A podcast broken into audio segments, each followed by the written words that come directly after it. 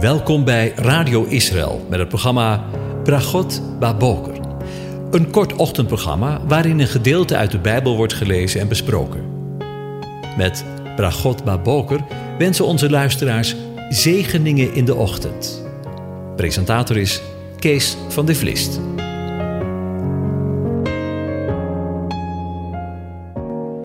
Goedemorgen, luisteraars. Vanmorgen willen we weer verder nadenken over Psalm 121. Ik lees het aan u voor. Ik sla mijn ogen op naar de bergen, van waar mijn hulp komen zal. Mijn hulp is van de Heere, die hemel en aarde gemaakt heeft. Hij zal uw voet niet laten wankelen, uw bewaarder zal niet sluimeren. Zie, de bewaarder van Israël zal niet sluimeren of slapen. De Heere is uw bewaarder, de Heere is uw schaduw aan uw rechterhand. De zon zal u overdag niet steken en de maan niet in de nacht. De Heere zal u bewaren voor alle kwaad. Uw ziel zal hij bewaren.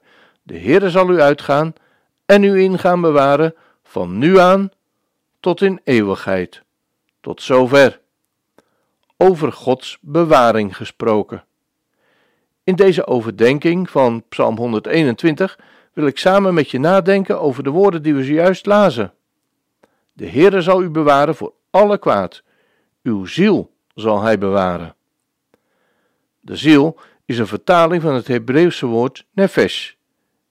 In de Bijbel wordt dit woord bijna 30% van de keren dat het woord voortkomt vertaald met ziel.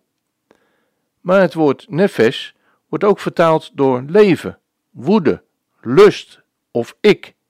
De nefesh van de mens betreft dus zijn emoties, zijn wezen, zijn ik. En we lezen de tekst nog eens. De Heere zal u bewaren voor alle kwaad, uw ziel zal hij bewaren. De Heere, Yahweh, zal je bewaren voor alle kwaad. Uw ziel, uzelf, jijzelf, je zijn zal hij bewaren.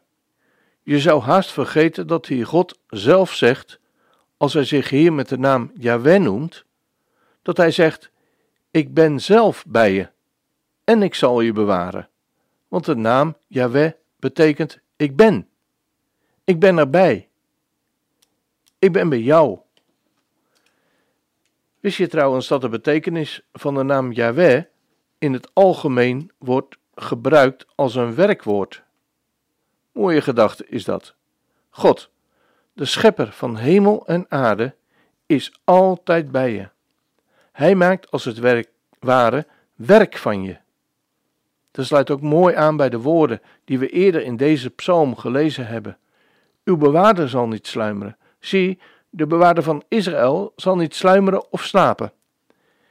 Inderdaad, de Heere zal je bewaren voor alle kwaad. Maar is dat wel zo? Er overkomt de kinderen van God, net als alle andere mensen, allerlei ellende. En denk er nog eens even over aan het volk van Israël, tot wie deze woorden in deze psalm in eerste instantie gericht zijn. Hoe kun je dan volhouden dat de Heer je zal bewaren voor alle kwaad? Wat een ellende heeft zijn volk al eeuwenlang niet moeten doorstaan. Geloven we dan werkelijk in sprookjes? En is de Bijbel dan het grote sprookjesboek? Weet je, zo oppervlakkig gekeken lijkt dat inderdaad wel het geval. Maar als we bij wijze van spreken, zoals de mensen vroeger wel eens zeiden, een spaat dieper spitten, kom je erachter dat in welke situatie wij ook terechtkomen, in leven en in dood, Hij erbij wil zijn. En wanneer Hij erbij is, wordt alles anders. Ik moet denken aan een goede bekende van mij, die samen met zijn vader naar het ziekenhuis ging. Voor een uitslag van een onderzoek. Aangekomen bij de arts vertelde de arts dat hij ernstige boodschap had en dat de vader niet meer lang te leven had. Kun je je een ellendiger situatie voorstellen? Wat zou jouw reactie zijn als je zo'n boodschap vandaag zou krijgen? En weet je wat de verbijsterende reactie van de vader was? Hij stond op en ging naar de arts en gaf hem een hand en zei: Gefeliciteerd, want zo'n goede boodschap heb ik nog nooit gehad. Ik kijk hier al jaren naar uit. Zie je, met Yahweh, ik ben bij je, wordt alles anders. Ik heb het al meerdere malen in deze overdenkingen aangehaald. En het is echt waar. Met Hem erbij, in welke situatie je over zit of komt, alles anders. En dan vervolgt de schrijver van de psalm: De Heere zal u uitgaan en u ingaan bewaren, van nu aan tot een eeuwigheid. Tja, de woorden kunnen troost geven. Hij zal u uitgaan en u ingaan bewaren. Maar wat betekenen ze eigenlijk? Ik moet eerlijk bekennen dat ik het eigenlijk niet weet. Maar ik kwam bij de voorbereiding wel een paar mooie gedachten tegen die ik graag aan je doorgeef. De Targum brengt de Mezuzah te sprake.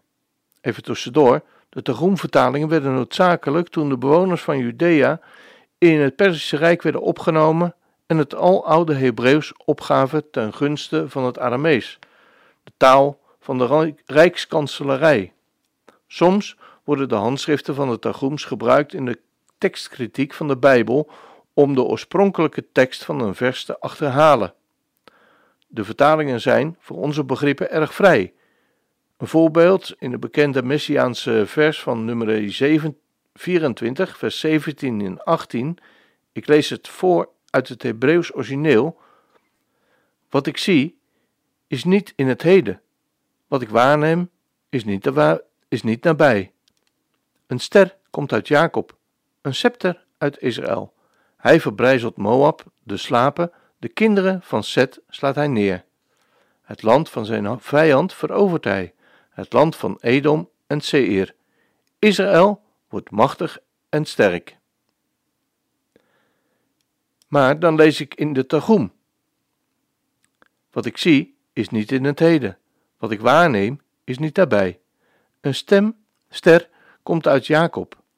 Een scepter uit Israël. Een koning zal niet opstaan uit Jacob en tot Messias van Israël worden gezalfd. Hij zal de leiders van Moab verslaan en de hele mensheid regeren. De vertalingen zijn, voor onze begrippen, erg vrij en zijn dus niet alleen een vertaling, maar geven tegelijkertijd een soort van verklaring waarbij de vertalers invulling geven aan wat zij denken dat er in een bepaald gedeelte gezegd wordt. Terug naar de tekst.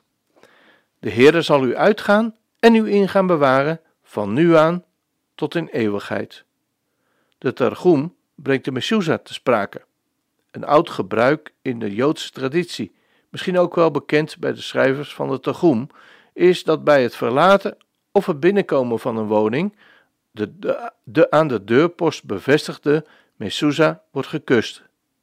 Hierbij wordt gezegd: Hashem, dat is de naam, of Yahweh, is mijn beschermer. Hashem is mijn schaduw ter rechterzijde. Mogen Hashem mij beschermen, bij mijn uitgaan en bij mijn terugkeer, nu en voor eeuwig. Gebaseerd op vers 5 en vers 8 van deze psalm. Mooie gedachte, vind je ook niet? Weer een andere Joodse gedachte die ik tegenkwam met betrekking tot de woorden: De Heer zal u uitgaan en u in gaan bewaren, is de volgende. Die woorden kunnen we het beste laten slaan op de twee cruciale ogenblikken van de dag, als de zon op en onder gaat. Het is de tijd waarop de Israëliet zijn thuis verliet om op het land te werken en daarvan bij donker terug te keren. Het hele etmaal. De laatste woorden sluiten daarbij aan. Van nu aan tot in eeuwigheid.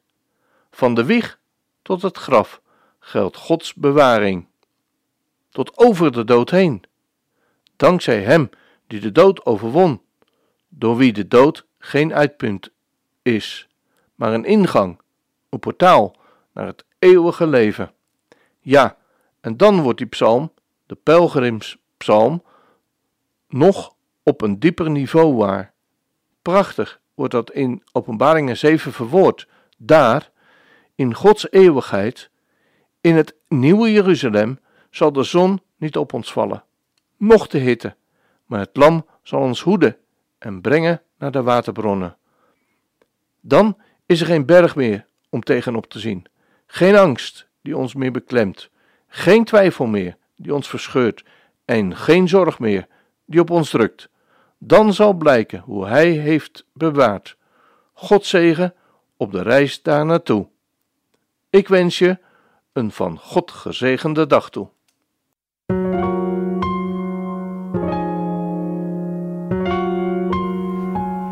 U hebt geluisterd naar het programma Bragot Baboker. Een kort ochtendprogramma waarin een gedeelte uit de Bijbel wordt gelezen en besproken. Wilt u het programma nog eens naluisteren, dan kan dat. Ga naar radioisrael.nl en klik onder het kopje radio op Uitzending gemist.